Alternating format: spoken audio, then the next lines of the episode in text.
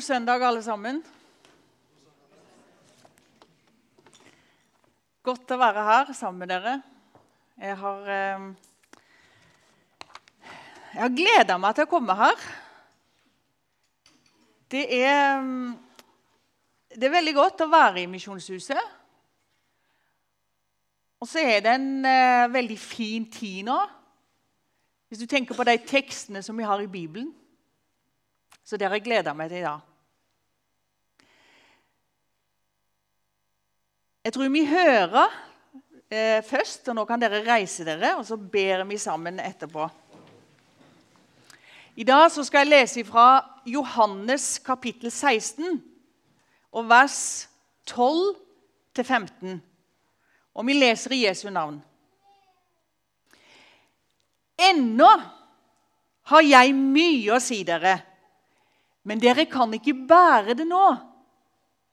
Men når sannhetens ånd kommer, skal han veilede dere til hele sannheten.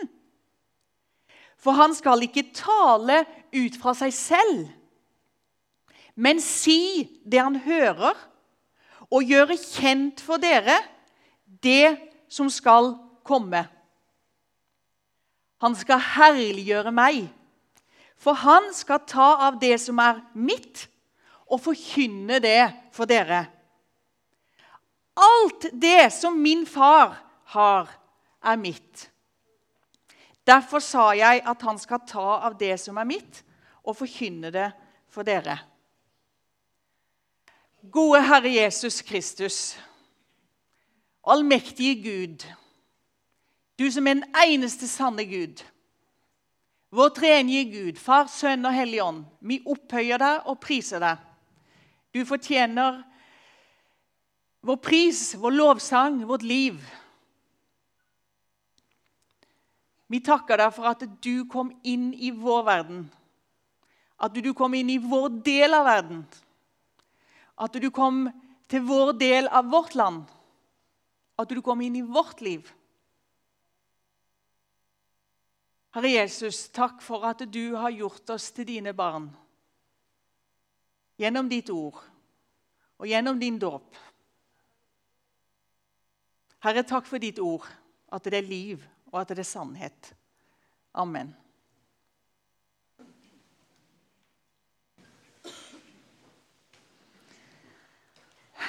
Når jeg var tenåring, og sikkert litt seinere òg så husker jeg at min mor hadde et sånn uttrykk som eh, sikkert kom automatisk. Eh, hvis vi var seint ute med, til bussen om morgenen, eller, eller det var et eller annet ting som vi burde egentlig ha tenkt litt eh, på forhånd, liksom, før vi eh, gjorde noe eller kom for seint til noe, så sa hun gjerne det. Det ville lønt seg å stått opp litt tidligere. Er det noen som har hørt noe lignende? Hun hadde jo så rett. Men eh, en var ikke alltid så veldig villig til å, til å si 'tusen takk for at du minte meg på det'. Når Martha og Maria hadde mista Lasarus, så kommer jo Jesus altfor seint, sånn som vi så det. da når Lasarus var syk, og så var han død. Men når da først Jesus kommer, og han kommer til grava, så sier han til Martha, 'Sa jeg deg ikke at dersom du tror, så skal du få se Guds herlighet?' Det var jo umulig for Martha nesten å, å, å forstå det.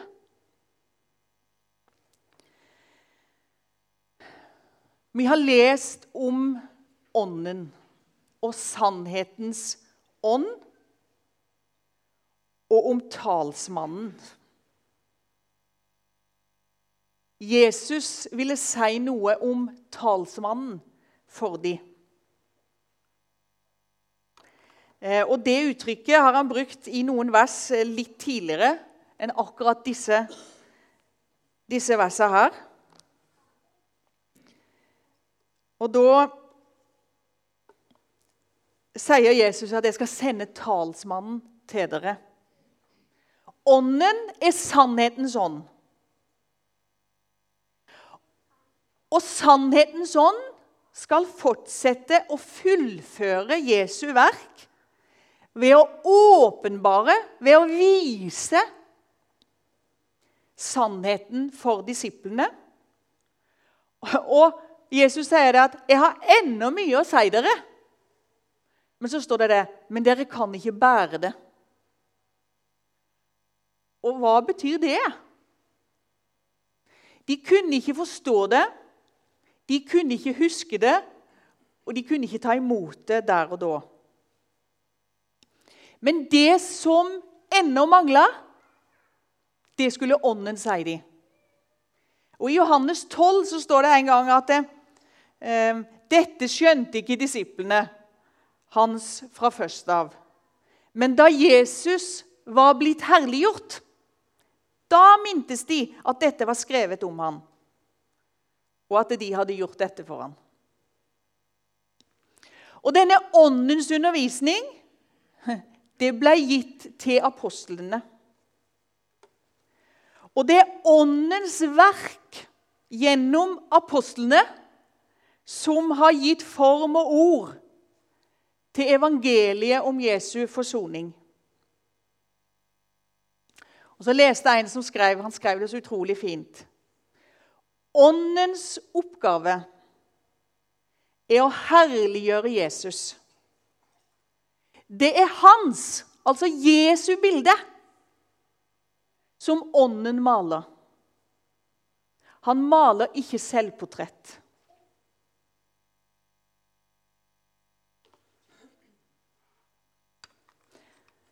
Har et speil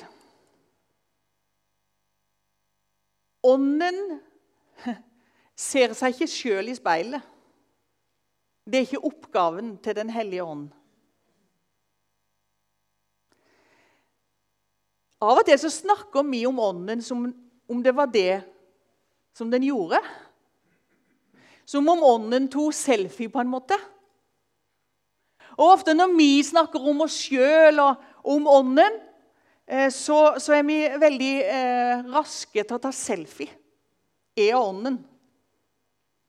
Men det er jo ikke det som er oppgaven til Ånden. Ånden skal være en talsmann, en lyskaster, på Jesus.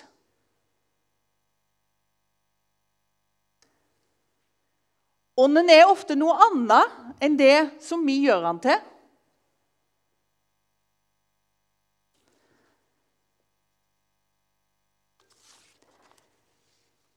Der Ånden er, der blir Kristus herliggjort og stor. Nå har vi hatt påska, og Kristus har fullført sin gjerning. Den oppgaven som han fikk fra sin far, det han har fullført her på jord. Og Det var et oppdrag som han tok på seg før verdens grunnvoll var lagt. Og nå er det gjort. Nå har han fullført selve frelsesverket. Og så står han da på grensa. Kristi himmelfartsdag på torsdag. Og så skal han til far igjen. Han gikk ut fra far, og så kom han til verden. Og nå forlater han verden igjen og går til far. Men han er ikke den samme, helt den samme nå som når han kom. Han kom som Guds sønn ett med far.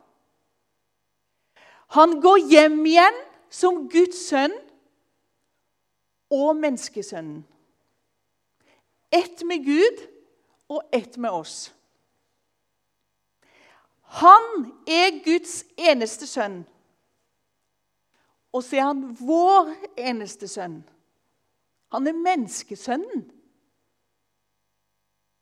Som Guds sønn og vår sønn så løste Jesus oss ut fra alt som var vondt.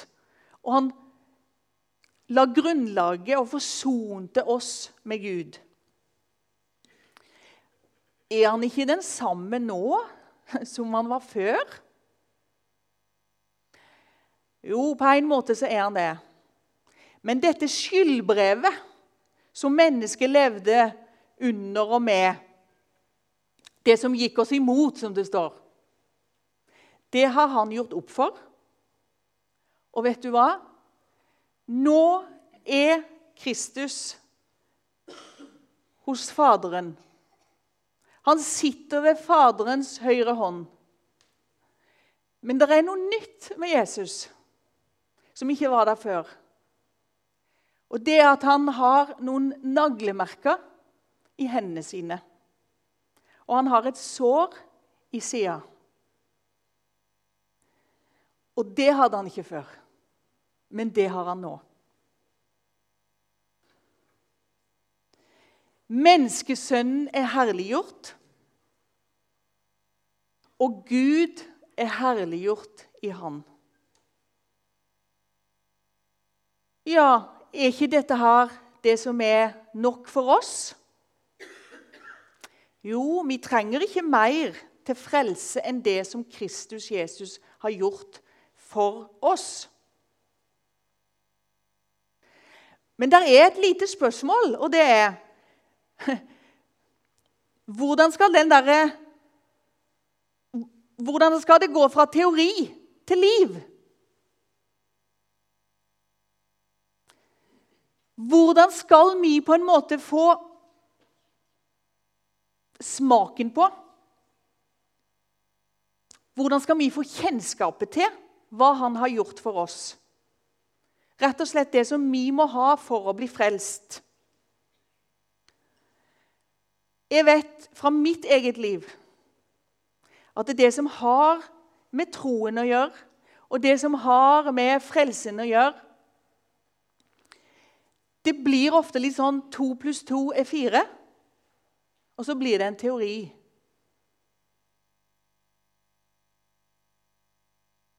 Jeg har fortalt en gang før, tror jeg, når jeg var 17 år. Så gikk jeg første året på gymnaset i Arendal. Og Så ble jeg kjent med mange flotte folk i laget. og, og Den gangen så var det et stort eh, appell TenSing i Trefoldighetskirka i Arendal. Og På en eller annen måte så ble jeg spurt om å holde andakt. Og Så tenkte jo da Marit, som kom fra bedehuset på Skaret, at nå skal de jammen meg få en skikkelig lekse. For her er det mange som ikke har forstått det. Så jeg møtte opp og tok Ja En eh, fra første Mosebok til åpenbaringen. Eh, og sa det som var rett, og som jeg syns de trengte å høre. Jeg tror jeg forsto det ganske raskt. Når jeg gikk nedover Kjerkebakken der i Arendal, så forsto jeg det. At det var ikke helt sånn som det skulle vært. Og Kanskje det ble sånn som min bestefar ofte sa, at noen ganger så blir det så rett at det blir galt. Og det var et sånt tilfelle.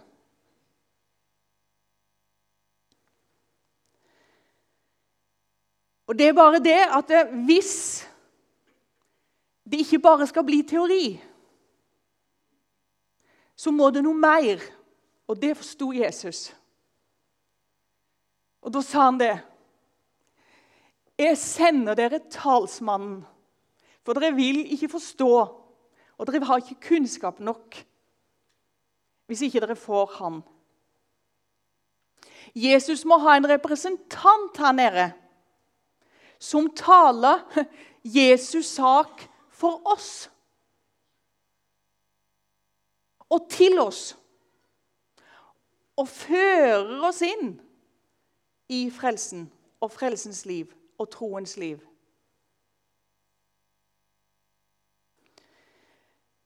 talsmannen, ånden, som er sendt til oss, er den som skal gjøre det. Og Da er det altså sånn at vi har Jesus som vår talsmann i himmelen for Gud. Og der er han nå for vår skyld. Og så har vi talsmannen, Den hellige ånd, her nede. Og han taler Kristi sak for oss. Er ikke det flott ordna? Det er sånn han gjør det. For at vi kan forstå og erfare og ta inn selve frelsen og det nye livet. Guds ånd er en virkelig kraft i menneskelivet og her på jorda. Han kjenner vårt hjerte, og han kjenner vår sjel og vår ånd og vår lengt og vår tomhet og våre, vårt skrik. Og så kommer Ånden.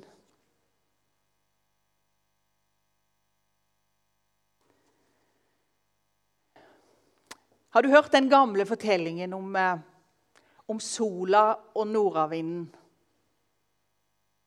Som eh, inngikk et veddemål. De så en mann nede på jorda med vinterklærne på. Og så sier eh, nordavinden at det er i hvert fall helt sikkert er sterkest. Skal vi se hvem som klarer å få han til å ta av frakken sin? Ja, nordavinden først. Han gjøv på. Og det ble verre og verre. Men hva skjedde? Han har mannen, han bare han kneppa frakken sin, og han bandt beltet om livet og la armene rundt. Det var helt umulig å få av den frakken. Så skulle sola prøve seg. Det er liksom ikke så veldig, ikke så veldig brask og bram med den, liksom. Og så kommer sola. Og så blir det bare varmere og varmere. Så begynner han her mannen å må åpne litt opp på denne frakken. Og så ble det enda varmere. Ja, Tror du ikke da måtte mannen ta av seg frakken? Sola kom med sin gode varme og gjorde det som ikke nordavinden klarte. Det er det som ånden kommer med. En hverdagsateist i Norge både tenker og tror sikkert mange ting. Men en hverdagsateist vil tenke at det, og si at det, ja, og vet at det, livet er kort. Det forholder de seg til. Det er ingen sånn stor, stor mening over tilværelsen. Og veldig mange så sier de ja, når en dør, så er det bare slutt. Det vil si at de, de tror i hvert fall da disse tre tingene at livet er kort. Det er ingen eh, mening, stor mening over eh, livet og tilværelsen. Og de tror egentlig på en evig tilintetgjørelse. Det er et trist budskap. Ånden og talsmannen kommer med et helt annet budskap. Sannhetens ånd, evighetens Gud, kommer og sier at det, det fins et evig liv. Eh, Gud har en mening både med at du er skapt, og at du lever, og hvor du skal. Det er ikke bare slutt. Og så er det ingen grunn til at vi skal tenke tenk at det går an å tenke så dumt. Apostelen Paulus sier i Efeserbrevene at dere var alle døde. Dere tenkte òg sånn. Du hadde òg tenkt sånn hvis ikke Jesus hadde kommet inn i livet ditt. Er det ikke noe mer? Å jo, sier Ånden. Det er mye, mye mer enn et lite, kort liv her. Er dette alt? Å nei, sier Ånden. Det er en evighet i vente.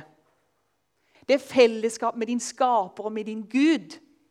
Det er utfrielse fra vondskap, fra avhengighet, fra sykdom, fra død. Guds ånd skal vise oss Kristus, som vi kan tro. Ånden skal ikke bare vise oss synda, eller at vi er syndere. Men han skal òg vise oss at han er vår frelser.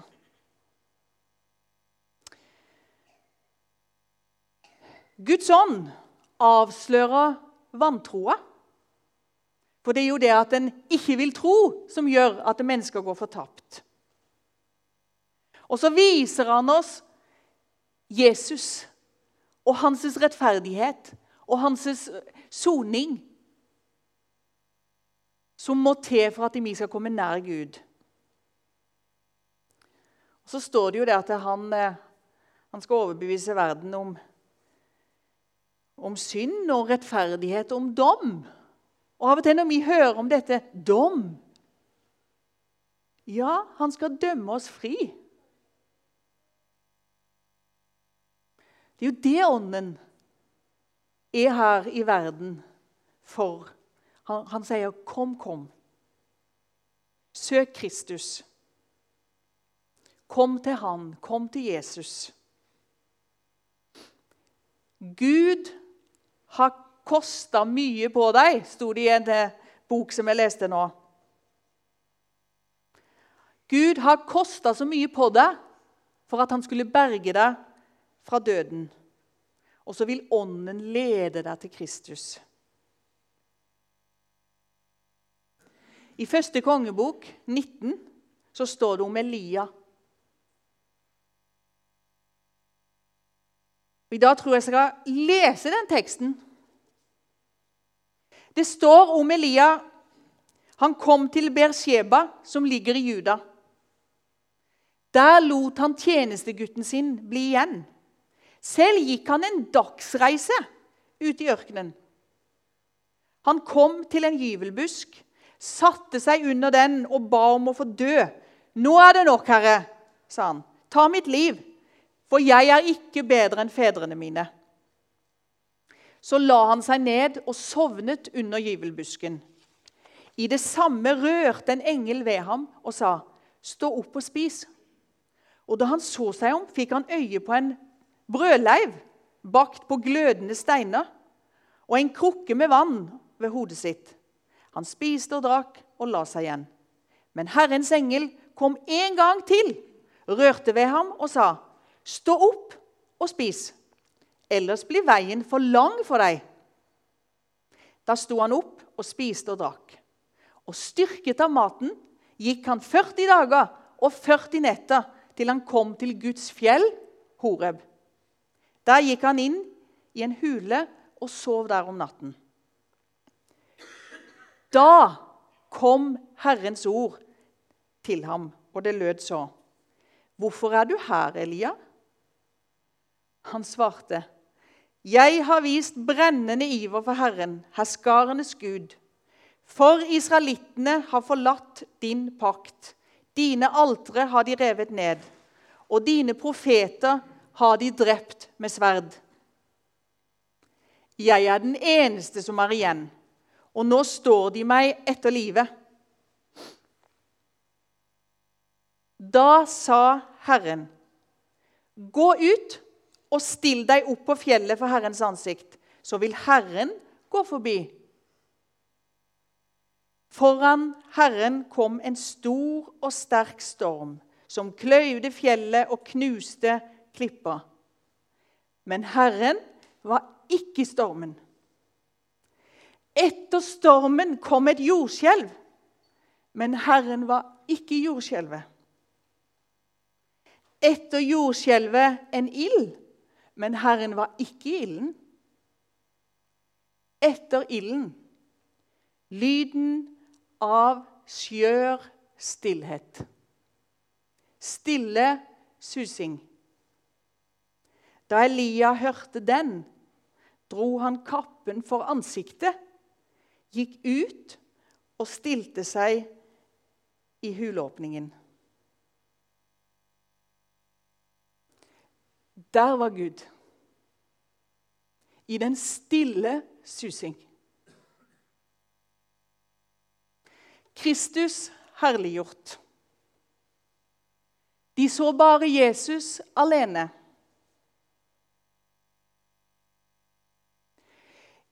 Er vi noen sånne som ber og ønsker om en tsunami, åndelig tsunami, inn i våre liv? Som ønsker dunder og brak? Som ønsker noe som, som, skjer, som alle andre kan se, og som forstår at det, her er det noe veldig spesielt?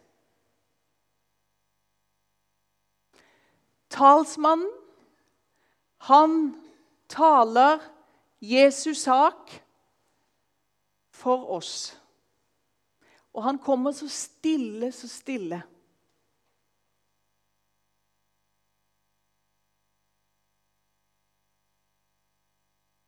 Jesus han sa til Maria, 'Sa jeg deg ikke at dersom du tror, skal du få se Guds herlighet?' Og nå sier jeg det til deg da. Sa jeg deg ikke det? At hvis du tror Sa jeg deg ikke det hvis du hører på talsmannen, åndens stemme? Så skal du få se Jesus. Gode Herre Jesus Kristus og gode Hellige Ånd.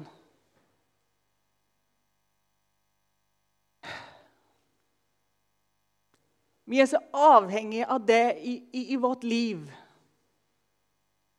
Tal til oss. Åpenbar Jesus. Kom på din måte. Kom med en, en skjør stillhet, en stille susing. Og gjør din gjerning. Amen.